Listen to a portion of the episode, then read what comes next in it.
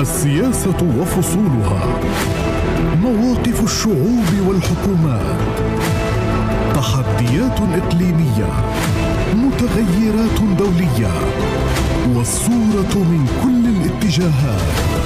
في برنامجكم السياسي أبعاد.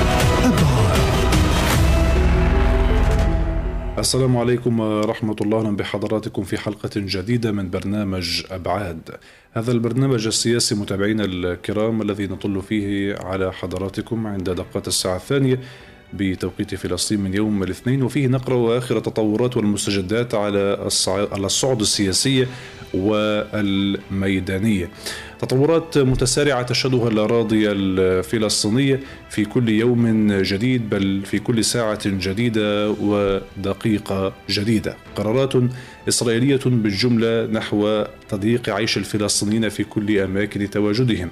تختلف الأماكن والأزمنة والحكومات ويبقى العداء منصبا على الفلسطينيين أينما كانوا.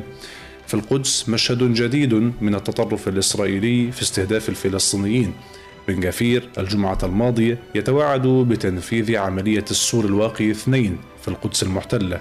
هذه العملية التي تعود بالذاكرة لأحداث عام 2002 وحصار الرئيس الراحل الشهيد ياسر عرفات ومعركة جنين البطولة والفداء. أحداث متسارعة. القدس يحاول بن جافير أن يشعلها من أجل كسب تأييد الشارع الإسرائيلي المتطرف. بعض الساسة الإسرائيليون رأوا أن هذه التصريحات غير مسؤولة ولا تؤخذ من على الرصيف كما وصفت المعارضة الإسرائيلية. لكن الغريب أن اجتماعا للكابينت الإسرائيلي بالأمس قد استمر لخمس ساعات وصادق على جملة من القرارات التهويدية الجديدة والعنصرية الجديدة ومنها تبني مخطط بن جافير بتصعيد الإجراءات الأمنية بالقدس المحتلة. يرافق ذلك عمليات هدم للمنازل بالجملة ومحاولة لاجتثاث واقتلاع الفلسطيني من أرضه. أيضا في غزة تصعيد محدود قصف إسرائيلي لعدة مناطق في قطاع غزة بالأمس شهيدين بالأمس وشهيد ثالث اليوم في نابلس هي صورة متكاملة من التصعيد الإسرائيلي في كل مكان. نحاول أن نقرأ في ظلالها وأن نفهم تفاصيلها وأبعادها في برنامج أبعاد مع ضيوف أكارم في هذه الحلقة والتي تأتي تحت عنوان في ظل تعاظم جرائم الاحتلال تحذيرات من تهديدات بن غفير بتنفيذ عملية الصورة الواقي اثنين في القدس المحتلة. وأرحب بضيفي الكريم ابتداء السيد راسم عبيدات الكاتب والمحلل السياسي من القدس أستاذ راسم مساء الخير. أهلا بك معنا. أهلا وسهلا بكم وتحياتي لكم. أهلا بك أستاذ راسم. اذا هي عملية جديدة من تصعيد مستمر يبدأ في القدس ويبدو أنه ينتهي في كل مرة منها جملة من القرارات الجديدة التي حملها الكابينت الإسرائيلي. لكن ابتداء عملية الجمعة الماضية فدائية جديدة يستغلها بن جافير لاطلاق سلسلة من الدعوات والقرارات الإجرامية، كيف يمكن توصيف ما جرى ابتداء؟ نعم واضح أن هذا المتطرف من بعد تشكيل حكومة الكيان من اليمين المتطرف والفاشيه اليهودية ويعملون بشكل منسق مع بعضهم البعض من أجل تجسيد قناعاتهم الدينية والسياسية من خلال التصعيد مع شعبنا الفلسطيني والقيام بعمليه هدم أجزاء من المسجد الأقصى بالإضافة إلى هدم بيوت المقدسيين وارتكاب من جزر الحجر كما حصل اليوم في منطقة جبل المكبر واضح أن الاجتماع الكابينت الإسرائيلي الذي استمر لست ساعات وهو المجلس الأمني والسياسي المصغر قد تبنى خطة بن جفير، واضح أن بن جفير وسمتريتش وغيره من المتطرفين هم من يتحكمون في مفاصل القرار السياسي الإسرائيلي ولهم وزن في دولة الكيان ومشروعهم انتقل من أطراف المشروع الصهيوني إلى قلب المشروع الصهيوني ولذلك الائتلافات الحكومية التي صاغها نتنياهو معهم هي تضمن لهم السيطرة على مفاصل حساسة في دولة الاحتلال. وزير الأمن القومي بن غفير وسمتريتش وزير للمالية وزير في وزارة الأمن وغيرهم من المتطرفين الذين يتولون مناصب حساسة في دولة الكيان بن غفير من بعد عملية الشهيد حسين قراقع. قال إنه سيطلق عملية ما يعرف بالسور الواقي اثنين ضد سكان مدينة القدس والبعض قال وصفه لابيد بأنه وزير التيك توك أو وزير خبز البيتا ولكن بالمقابل هذا وزير التيك توك أو ما خبز البيتا وجدنا أن المجلس الوزاري المصغر قد تبنى. وفي هذا السياق أستاذ راسل واحد من أسئلتي في هذا السياق؟ كانت المعارضة الإسرائيلية كما أشرت وصفته بوزير التيك توك بإشارة إلى السخرية من قرارات وآخرون وصفوه بانه هكذا قرارات عسكرية عملياتيه لا تؤخذ من على رصيف كردة فعل كما قالوا. الغريب أن الاجتماع الذي قلت أنه استمر لست ساعات خرج في نهاية المطاف بتبني هذا المخطط الذي لا يبدو عقلانيا حتى للإسرائيليين أنفسهم أو جزء من الإسرائيليين أنفسهم. وبالتالي أي دلالات لاستحواذ بن جافير وسموتريتش المتطرفون على صنع القرار. ويبدو أن نتنياهو يتماهى معهم من أجل البقاء خوفا من من قضايا الفساد ومن السقوط أليس كذلك؟ صحيح. واضح أنه في اجتماع الكابينت كما قلت نتنياهو ويخشى على مستقبله السياسي والشخصي. ولأنه منظوره ضده أمام القضاء الاسرائيلي ثلاث تهم سوء الائتمان والرشوة وخيانة الأمانة وهو لا يستطيع إجراء عملية آه، السيطره على منظومة القضاء إلا من خلال هؤلاء المتطرفين. ولذلك هو يسعى من أجل السيطره على منظومة القضاء من خلال من خلال وزير ما يعرف بالعدل الإسرائيلي يريف ليفن بالإضافة إلى أنه يريد أن يضعف من سلطة المحكمة المركزية كي يتمكن من إعادة شريكه في الفساد أرييه درعي كي يكون وزيرا في الحكومة لأن في التعديل محكمة المحكمة العليا الإسرائيلية لا تستطيع أن تمنع وزير آه، في الحكومة إذا ما جرى إقراره من قبل رئيس الوزراء و61 عضو كنيست ولها فقط تتدخل في المواصفات التي في متطلبات هذه الوظيفة نملة. ولذلك نحن شهدنا في هذه الجلسة جملة قرارات فيما يتعلق بالقدس إدخال ثلاثة سرايا عسكرية. وهذه السرايا العسكرية من حرس الحدود هي تمهيدا لما سيحدث في رمضان والذي سيكون ساخنا بالإضافة إلى تنفيذ عمليات اعتقال واسعه بحق أكثر من 150 ناشط مقدسي واستهداف ائمه المساجد وخطباء المساجد بالعقوبات وأيضا استهداف الشبان الذين يكتبون على صفحات الفيسبوك والتواصل الاجتماعي بتهم التحريض. هذا ما يتعلق في مدينة القدس. فيما يتعلق في الضفة الغربية هناك قرارات هي تتعلق بإدخال أربع كتائب عسكرية إلى الضفة الغربية منها كتيبتان هجوميتان بمعنى أن اشتداد حدة المقاومة و آه، في الضفة الغربية يدفع بالاحتلال إلى إدخال مثل هذه الكتائب وخاصة أن المنظومة الأمنية الإسرائيلية فقدت قوة الردع وثبت من خلال العمليات التي اتت سواء ردا على عملية مخيم جنين والتي نفذها الشهيد خير علقم أو والفتى محمد علوات أو العملية أيضا سيد راسم الحديث عن تحويل تسعة بؤر استيطانية إلى نعم مستوطنات نعم موسعة، كيف يمكن فهم هذا أيضا؟ القرار الذي آه، يمثل شبح الاستيطان وأنه يمد بضوء أخضر من الحكومة نعم الإسرائيلية وأين توجد هذه المستوطنات بالتحديد؟ اولا هذا ضربه لمن للإدارة الأمريكية التي أرسلت وزير خارجيتها ومستشار مستشار أمنها القومي جاك سلفيان بالإضافة إلى آه، مدير السي آي اي أو المخابرات المركزية الأمريكية ويليام ميرت والذين قالوا بأنهم سيعملون على تهدئة ومنع التصعيد ولجم ومنع التواصل الاستيطان في الضفه الغربية. وجدنا أنه يجري شرعنا تسع بؤر استيطانية في الضفه الغربية وبن غفير طالب ب بتشريع 77 بؤرة الاستيطانية بالإضافة إلى أنه عاد في بعض البؤر الاستيطانية إلى قضية آه، ما يسمى بين قوسين الانفصال الخروج من قطاع غزة بالعودة إلى أربع مستوطنات تم إخلاؤها بعد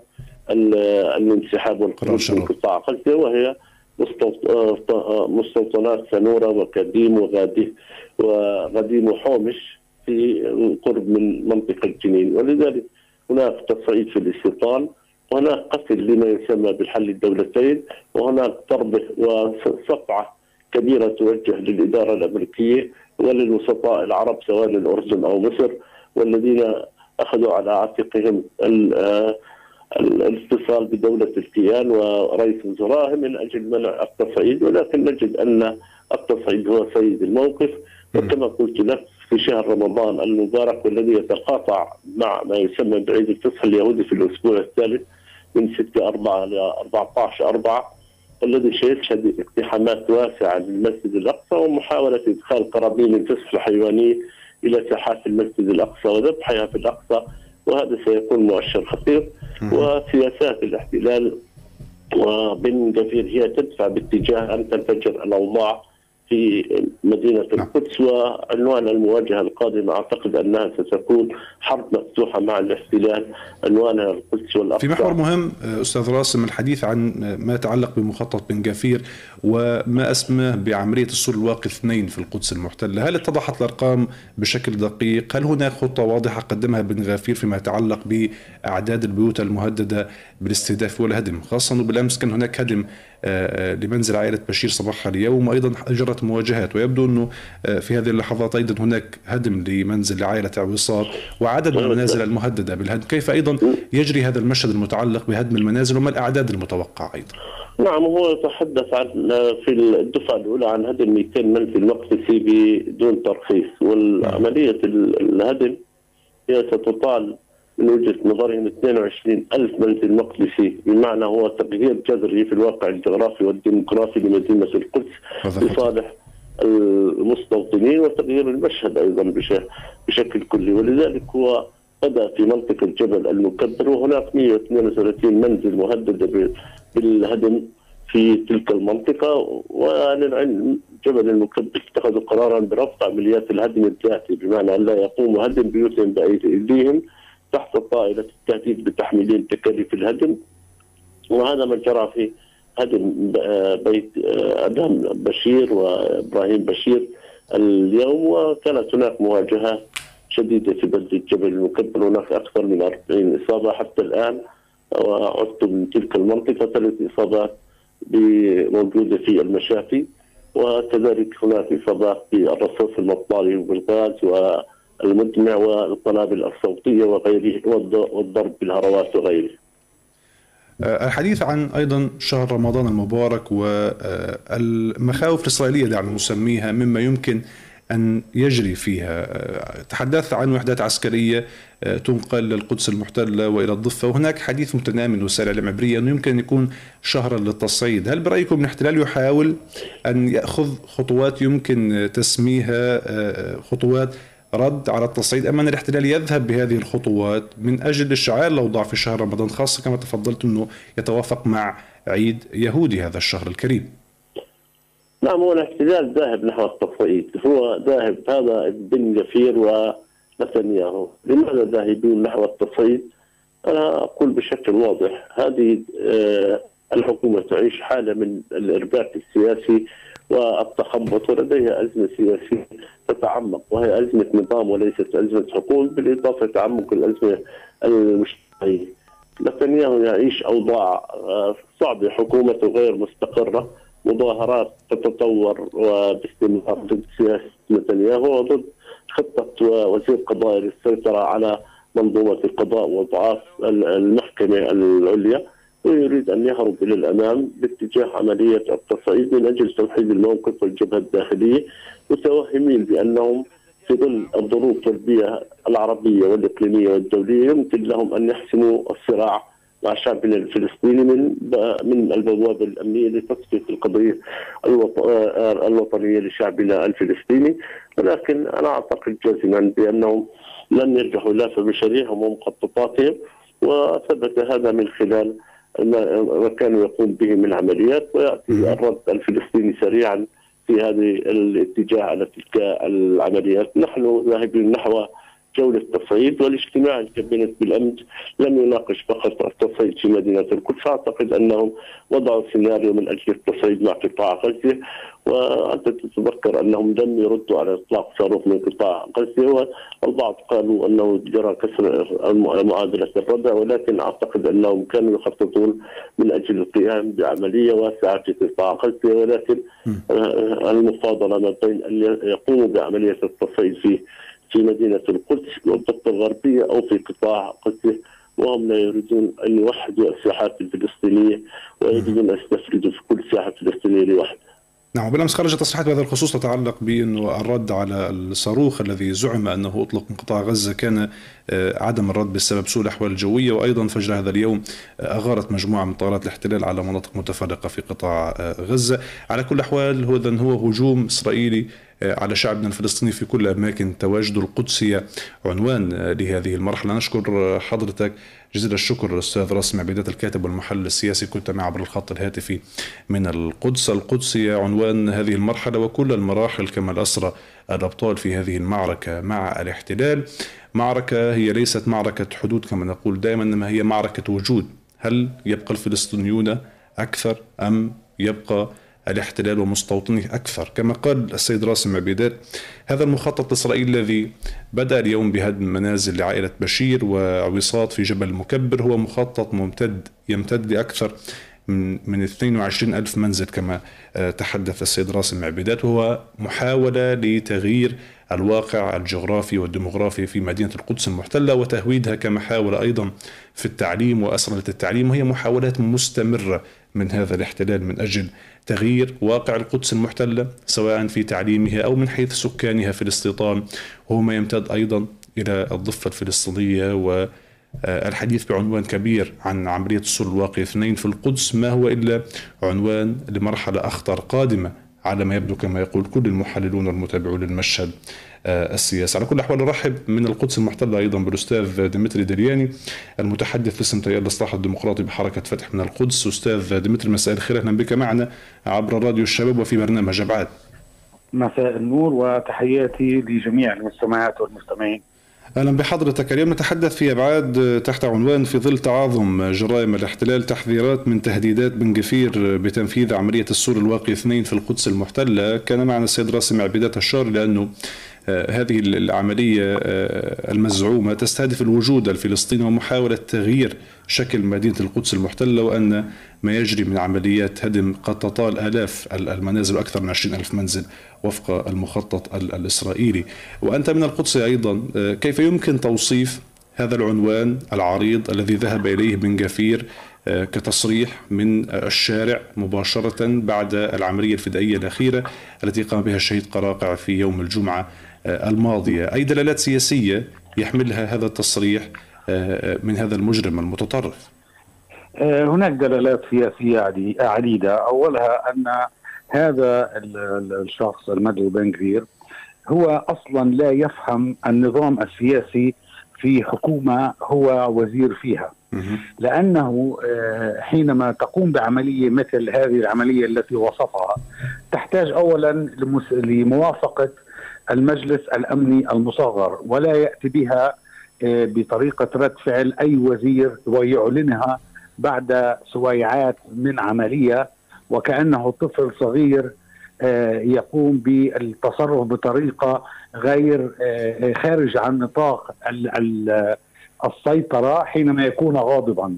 وهذا بالضبط ما حصل له. ثانيا وزير أمن الداخلي هو فعلا وزير التيك توك. كما أصبحت هذه كنيته لأنه يهتم في الشعبوية وبالإعلام التواصل الاجتماعي أكثر من اهتمامه بعمله آه، وهذا ليس انتقادا مني بالعكس أنا أحبه فاشلا وكل وزير أمن وكل حكومة احتلال أن تكون فاشلة لكن هذا انتقاد من الشارع الإسرائيلي الذي نعم. ينتقده بأنه وزير التيك توك وأن العمليات زادت أضعاف منذ أن أتى إلى منصبه فهو فاشل وكل ما يهمه هو الشعبوية والإعلامية. لكن الأمر الأساس والذي يخصنا نحن كشعب فلسطيني أنه حينما أنت تمزج ما بين العنصرية والفاشية آه، والإجرام والإرهاب الموجود في بناء هذه الحكومة ولا أقول بنغفير لوحده لأنه هو جزء من حكومة وحكومة منتخبة من قبل آه، الشعب الإسرائيلي.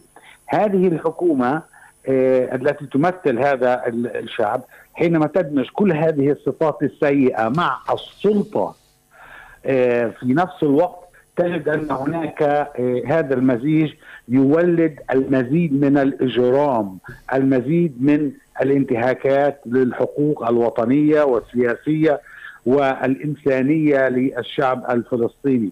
اليوم كان هناك تظاهرة آه، بدأت الساعة الثانية عشر أي قبل ساعتين ونصف وهي مستمرة لغاية الآن بعد مسيرة كبيرة للآلاف من الإسرائيليين الذين يرفضون آه، التغييرات التي تنوي حكومة الاحتلال أن تجريها على النظام القضائي بحيث آه، يكون النظام القضائي تحت السلطة التنفيذية آه، وهو الأمر المعمول به بفلسطين لكن هناك هناك وعي للأنظمة السياسية دعاهم إلى الخروج والتظاهر.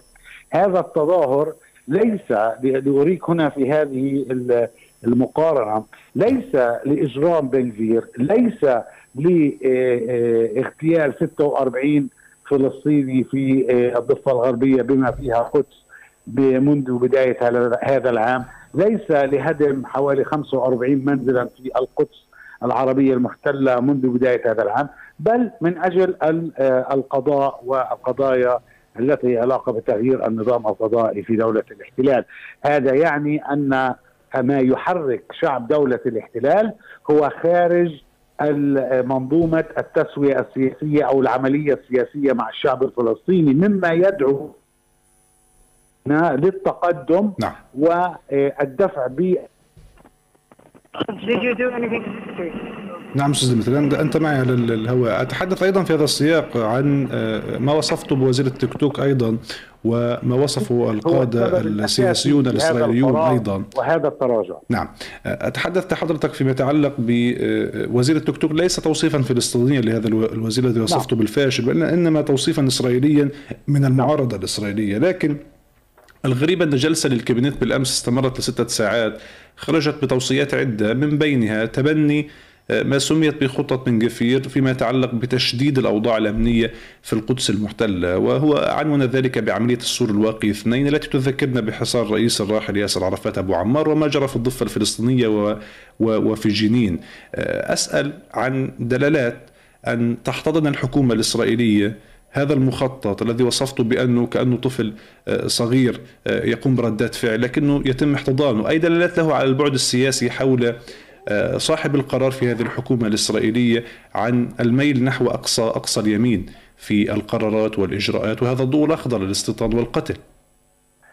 نعم اولا هناك اختلاف ما بين عملية التي حصلت أبان حصار الشهيد الرمزي ياسر عرفات وماذا ينوي وما ينوي أن يفعله بن في القدس. وقد أبرز هذا الأمر ومتفق عليه وأبرزه قائد آه، شرطة الاحتلال السابق آه، آه، مبينا ضعف وعدم فهم بن كبير للخارطة الأمنية في القدس حيث قال له على وسائل الإعلام اننا أنهم يروا بأن الشعب الفلسطيني في القدس مكون من 400 ألف شخص تربوا على تربية وطنية معينة يحملون هويات زرقاء لا يحتاجون إلى تصاريح للتنقل وعندهم أسلحة فردية كثيرة.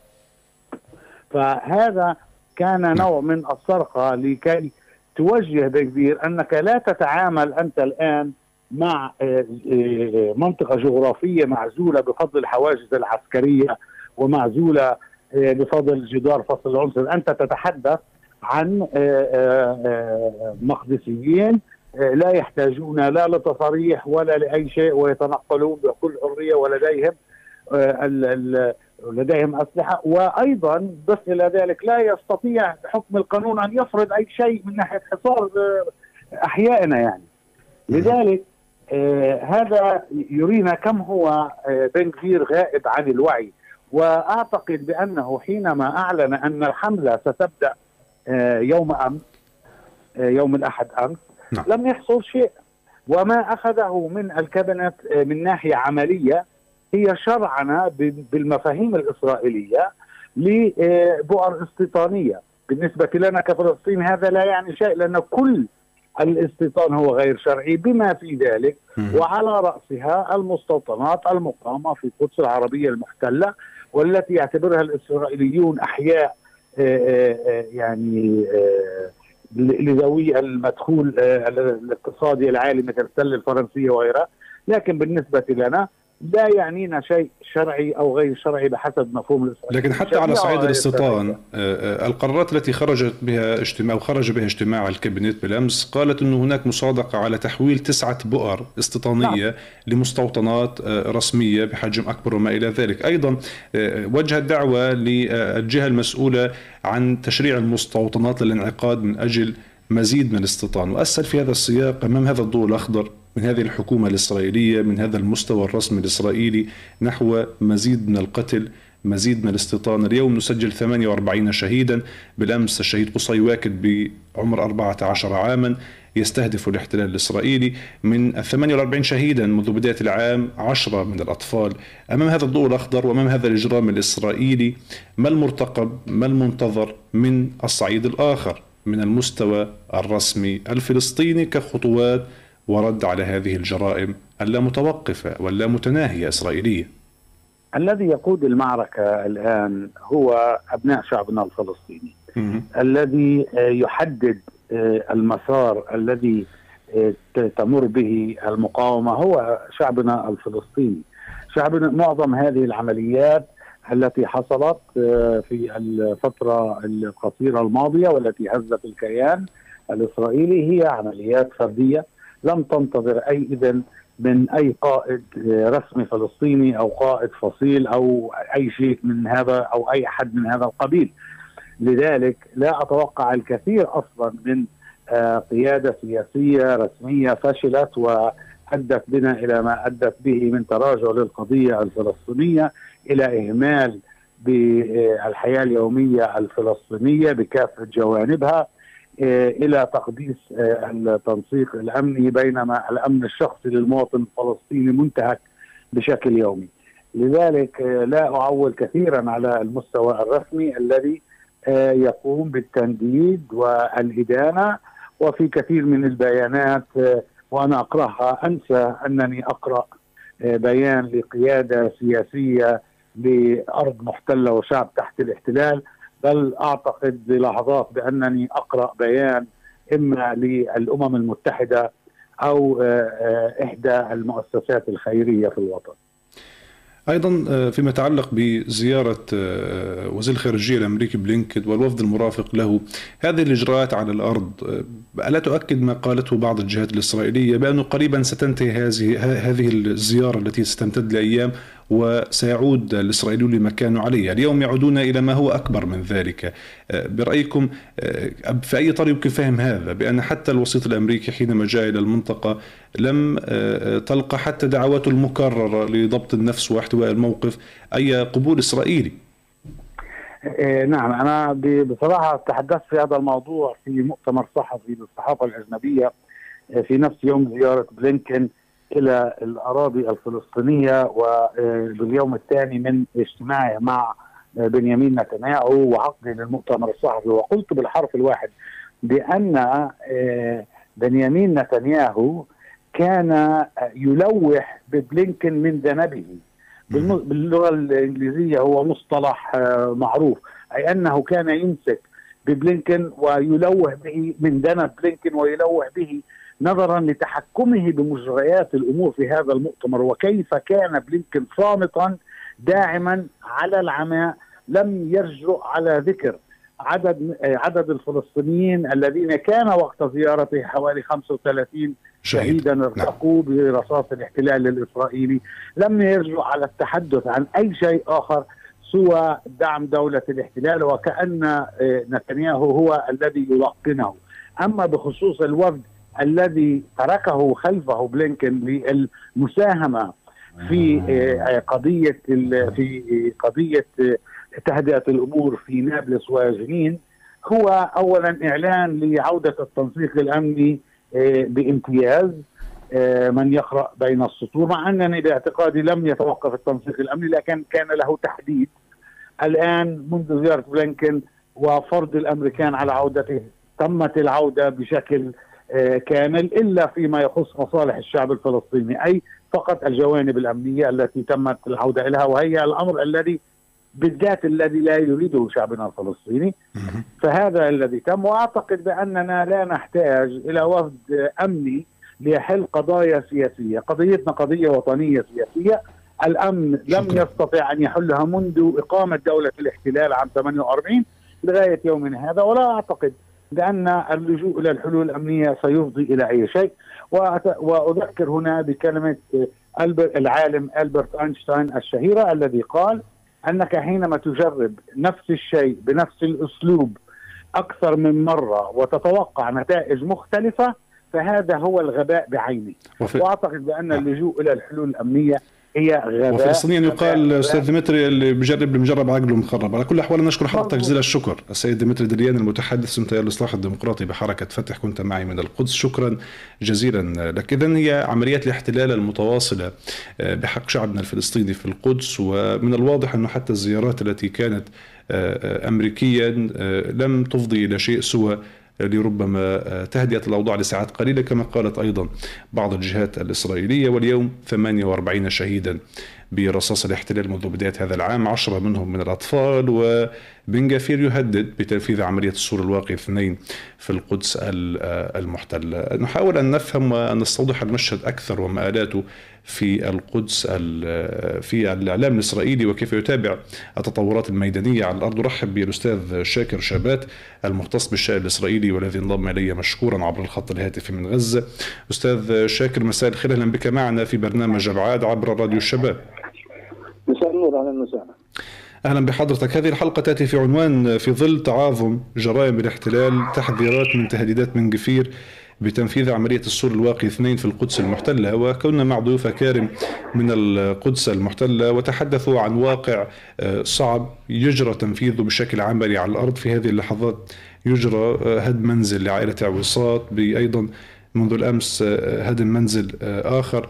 ويعني حالة مستمرة من هذا التصعيد الإسرائيلي. هذا العنوان عملية السور الواقي اثنين كيف توبع إسرائيليا سواء من الساسة الإسرائيليون المعارضون.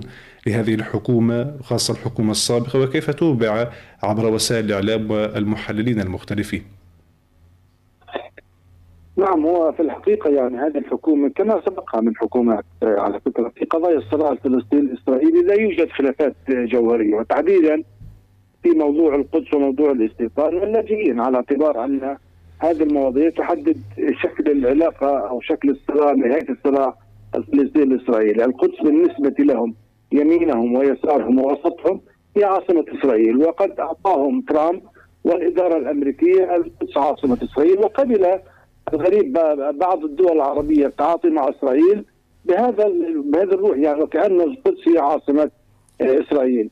آه الآن موضوع القدس هو موضوع على الأجندة عند الحكومة الحالية، على أجندة حسمه في كل القضايا، على سبيل المثال موضوع الاستيطان في منطقة A1 و A2 وهي التي تفصل منطقه شمال الضفة الغربية عن جنوب وسطها، هذا مشروع سيتم تنفيذه في خلال هذه الفترة الحكومة الحالية. أيضا توسيع التوسع الاستيطاني، الآن القدس تحديدا في أكثر من مستوى للتعامل الحكومة الحالية مع هذا الموضوع موضوع القدس. المستوى الأول هو تقسيم المسجد الأقصى زمنيا ومكانيا وفرض سيطرة إسرائيلية واضحة على المسجد الأقصى على باحاته وعلى بواباته وعلى مداخله وكل ما يتعلق بالمسجد الأقصى. لذلك نرى أن هناك يعني تصاعد في حركة ال ال ال اليهود الصهاينة الذين يعني يدنسوا باحات المسجد الأقصى يوميا وبحماية الحكومة الإسرائيلية. هناك حملة من قبل هذه الحكومة على المقدسيين من باب هدم المنازل أو والتضييق ثانيا وفرض الحصار على بعض المناطق والإجراءات التعسفيه وهذا يستهدف طبعا التضييق يستهدف إخراج المقدسيين من مدينة القدس هجرة هجرة من داخل المدينة إلى خارجها سواء كان على الضفة أو على الأردن أو على أوروبا يعني بمعنى إفراغ هذه المدينة العمل على اعطائها الطابع اليهودي السكاني على حساب الطابع السكاني الفلسطيني. أيضا هناك مرحلة حالة تهويديه واسعة الانتشار بما يخص مدينة القدس، اذا مدينة القدس الآن هذه الحكومة تريد أن تحسم كثير من ملفاتها وكثير من قضاياها التي في النهاية ستكون بالنسبة لهم انجزوا مرحلة تهويد القدس واصلالتها والانتهاء من وإخراجها من دائرة الصراع أو من ملفات الصراع الفلسطيني الاسرائيلي. أيضا فيما يتعلق بمخططات الاحتلال اليوم في القدس المحتلة لا يمتد هذا المخطط فقط في القدس. هناك واقع اليوم في الضفة الفلسطينية شهيد في هذا الصباح في نابلس بعد عملية اقتحام كبيرة. بالأمس شهيدين في جنين واحد وفي سلفيت أيضا وشهيد عمره 14 عاما قصي واكد. هذه العملية هذه العناوين العريضة آه، آه، في الإعلام الإسرائيلي آه، هل هناك توافق مع ما تفعل الحكومة الإسرائيلية بشكل كامل أم أن هناك معسكرا بدأ يتضح أكثر صوته يتعلق بأنه كل ما يتم هو كخطوات وردات فعل فلسطينية بمعنى أنه كلما إسرائيل قامت بعمليات جديدة لها علاقة بالقتل كما حدث بجنين ستؤدي لعمليات أخرى مثل كرد فعل مثل ما فعل الشهيد خيري علقم. وبالتالي هل بات هناك صوتا واضح يعارض هذا النهج الإسرائيلي الذي يؤدي إلى مزيد من قتل الإسرائيليين بالصورة العكسية؟ لا لا بالمطلق بالعكس تماما. يعني حكومة يائير لبيد عدد الشهداء الذين سقطوا في فترة حكم يائير لبيد أكثر من فترة حكم ما قبله نتنياهو وما بعده نتنياهو يعني الحكومة الحالية والحكومة التي سبقتها. فبالتالي موضوع قتل الفلسطينيين والاستيطان وممارسة كل أنواع الجرائم تجاه الفلسطينيين وإطلاق يد المستوطنين لا يوجد فروقات يعني آه، واضحة ما بين كل المعسكرات وكل الأحزاب. حتى أن يائير لبيد يعني بعد عملية القدس يعني. انتقد نتنياهو انتقد بن كفير وقال هذا وزير التيك توك. آه، الأمن يحتاج إلى عمل يحتاج إلى آه، اجتماعات واتخاذ قرارات استراتيجية. هناك أيضا من انتقدهم على عدم الرد في نفس اليوم على الصاروخ الإسرائيلي الذي اطلق من قطاع غزة على على المحررات أو على المنطقة الجنوبية. فبالتالي لا لا في قضايا الصراع كما قلت لك يعني لا يوجد فروقات بالعكس يعني في هناك تقاطع كبير في في في, في المواقف. بيل جانس قال أنا يعني لا لا يؤيد قيام دولة فلسطينيه يائير لبيد فترة حكمه ورئاسه لم يجتمع مع أي قائد فلسطيني ولا رفض الاجتماع مع الرئيس أبو مازن. فبالتالي الخلافات في المجتمع الإسرائيلي ما بين المعارضة وما بين الحكومة هي في قضايا تمس جوهر الدولة ومؤسساتها آه، على المستوى الداخلي وليس على مستوى الصراع الفلسطيني الإسرائيلي. آه، في هذه أيضا الاجتماعات الإسرائيلية الأخيرة بالأمس كان هناك اجتماع للكابينت امتد لستة ساعات وقبل أيام قليلة تحدثت وسائل إعلام عبرية بأن هناك تعزيزات ومخاوف إسرائيلية من التصعيد المحتمل المتوقع في شهر رمضان المبارك. آه، كان معنا سيد راسم عبيدات افاد بأن هناك تعزيزات عسكرية بأربعة كتاب للضفه وثلاث كتاب للقدس المحتلة. هل برأيكم الاحتلال يحاول أن يفعل ذلك وأن يصرح بذلك خوفا من حدوث فعلا مواجهات في شهر رمضان المبارك خاصة يتزامن مع عيد يهودي أم أن الاحتلال يحاول أن يؤدي تصريحات إعلامية وهو يحاول أن يشعل الأوضاع في شهر رمضان المبارك برأيكم؟ هو عمليا أكثر من من رسالة هذا الموضوع يعني والحديث فيه. اولا رسالة رد على الطرف الفلسطيني أن الجيش الاحتلال جاهز لمواجهة وقمع اي أي محاولة للمساس بالأمن الإسرائيلي. هذا واضح تماما. ثانيا وكأن هناك مخطط إسرائيلي من قبل أحزاب اليمين والمتدينين باستباحة المسجد الأقصى وهو معروف أن المسجد الأقصى والقدس هي بؤره الصراع وهي يعني شرارة اندلاع أي انتفاضة أو أي احتجاج سواء مسلح أو شعبي أو إلى آخره. فبالتالي يبدو هناك مخططات لمحاولة السيطرة أو الدخول إلى المسجد الأقصى في شهر رمضان المبارك. بمعنى تقسيم زماني ومكاني للمسجد الأقصى. وربما في شهر رمضان على فكرة لأنه يتصادف أعياد يهودية مع آه، آه، أعياد أيام شهر رمضان المبارك. فبالتالي رسالة ردع أولا وثانيا هناك نوايا عندهم باستباحة المسجد الأقصى وعلى الطرف الفلسطيني أن يتقبل وعلى الطرف الأردني أن يتقبل وعلى كل المجتمع الدولي والعربي أن يتقبلوا أن هذا المكان يجب أو يحق لليهود أن يصلوا فيه ومكان العبادة وإلى آخره تسليم يعني يريدوا أن نسلم بموضوع القدس وإن لم تسلموا فهي أربع كتائب جاهزة بالإضافة طبعا إلى ما هو ما موجود من قوات سواء شرطية أو جيش أو أمن في القدس وفي في الضفة الغربية. فعلا هناك مخطط واضح تماما من خلال استخدام ما يسمى ما بين الزوجين العصا يعني بمعنى القوة لقمع أي احتجاج أو أي رفض لأي خطوة آه، آه، إسرائيلية للحكومه الاسرائيليه تجاه المسجد الأقصى في شهر رمضان. أخيرا آه، وزير التوك توك كما وصفه الساسة الإسرائيليون بن يقرر بإطلاق عنوان عملية السور الواقي اثنين على القدس. ورغم أن كثير من الانتقادات الإسرائيلية حتى وجهت إليه بأنه هكذا قرارات لا تؤخذ من على رصيف شارع في القدس كما قالوا وكردات فعل على عملية الشهيد حسن القراقع يوم الجمعة الماضية إلى أنه قرار الكابينت بالأمس صادق على إجراء عملية موسعة في القدس من حيث الاعتقالات ألا يدلل ذلك على انمحاق قرار بنيامين نتنياهو وأنه بالفعل اليوم يذهب باتجاه التماهي تماما مع قرارات بن جفير مع الصهيونية الدينية وسموتريتش وخاصة بن جفير ربما النجم الأبرز في هذه المعركة لأنهم هم من جلبوه من جديد للحكم وأخرجوه عن قضايا الفساد. ولا مدى ذلك خطير على بعد الأيام القادمة في هذا العام الذي ما زلنا في الشهر الثاني منه ونشهد حالة اعتقال وهدم غير مسبوقة و48 شهيدا اليوم. واولا أنا يعني أريد أن أشير إلى أن الذي يحكم في إسرائيل هو تيار جارف ما بين مزدوجين تيار الصهيوني الديني. صحيح تختلف الأسماء العظمى يعني القوى اليهودية والبيت اليهودي والصهيوني الديني والليكود. الليكود هو جزء من تيار الصهيوني الديني الذي يقود نتنياهو.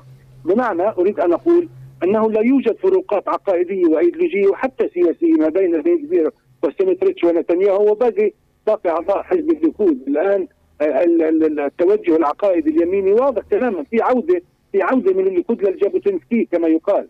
بمعنى إلى أرض إسرائيل الكاملة من النيل إلى الفرات.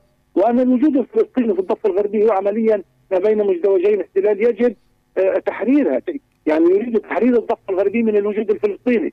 هذا هو المنطق الذي الآن يحرك السياسة الإسرائيلية. لكن نتنياهو لأنه يعني لديه خبرة في العمل السياسي وفي العلاقات الدولية ويعرف مدى الضغوطات وإلى آخره يحاول ان ان أن يضع سموتريتش وبن كفير في الواجهه واجهة الأحداث بسياق التصريحات والمواقف ومن ثم يتبناها. على فكرة هو لم يتبنى خطة بن كفير هو تبنى خطته الشخصية لكن الذي تحدث به هو بن كفير نتنياهو إن لم يكن يرغب بذلك يستطيع أن يمنع أو أو لا يقوم بهذا العمل لكن نتنياهو مقتنع لديه برنامج ورؤية وهو قائد هذا التيار تيار الصهيونيه الدينيه لا فروقات ما بينهم إلا أن هذا قائد شعبوي كبير ويطلق التصريحات أينما كان.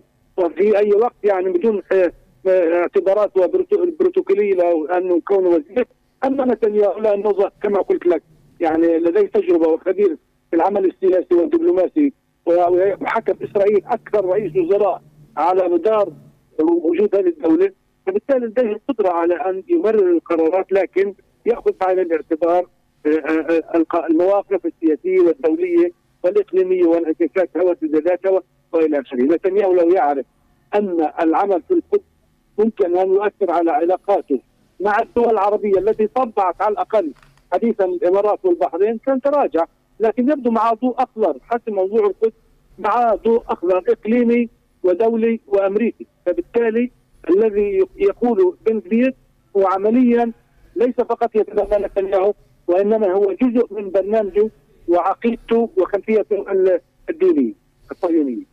أنا أشكر حضرتك جزيل الشكر السيد شاكر شبات المختص بالشأن الإسرائيلي. شكرا جزيلا لوجودك معنا. وأيضا الشكر موصول للأستاذ ديمتري دلياني المتحدث باسم تيار الإصلاح الديمقراطي بحركة فتح من القدس المحتلة. الشكر أيضا للأستاذ راسم عبيدات الكاتب والمحلل السياسي من القدس المحتلة الذي كان معنا في هذه الحلقة من أبعاد والتي جاءتكم تحت عنوان في ظل تعاظم جرائم الاحتلال تحذيرات من تهديدات من جفير بتنفيذ عملية السور الواقي اثنين في القدس المحتلة الثابت أن هذه العملية التي يطلق عليها السور الواقي اثنين سواء نفذت بهذا الاسم الذي يذكرنا بأحداث الضفة الفلسطينية في عام 2002 وبحصار رئيس الراحل ياسر عرفات أبو عمار أو لم تنفذ تحت هذا العنوان إلا أنها مستمرة إلا أن الإجراءات الإسرائيلية الداعمة لمزيد من الاستيطان في الضفة الفلسطينية متواصلة. آه، الضوء الأخضر الذي أعطاه الكابينت الإسرائيلي بالأمس لبن غفير لتنفيذ عملية موسعة في القدس هو استجابة لهذا المطلب الذي خرج من وزير شعبوي كما يوصف وزير التيك توك بين هلالين. ولكن ما يثبت الوقائع على الأرض شعبنا الفلسطيني كما قال السيد ديمتري دلياني بأن المواجهة المستمرة اليوم آه، آه، من يتصدى لها ومن يقودها هم شعبنا الفلسطيني في القدس المحتلة. وما نشاهد من مواجهات مستمرة اليوم في عملية هدم البيوت ما هو إلا دليل على أن شعبنا الفلسطيني متجذر في أرضه رغم كل محاولات الاقتلاع والاجتثاث. على كل الأحوال نحن نصل لختام هذه الحلقة من برنامج أبعاد نأمل لشعبنا واقعا أفضل النصر لشعبنا الفلسطيني في كل مكان. شكرا لكم على متابعة هذه الحلقة وآمل أن نلتقي دائما على خير. السلام عليكم ورحمة الله. السياسة وفصولها. مواقف الشعوب والحكومات. تحديات إقليمية. متغيرات دولية. والصورة من كل الاتجاهات. في برنامجكم السياسي أبعاد.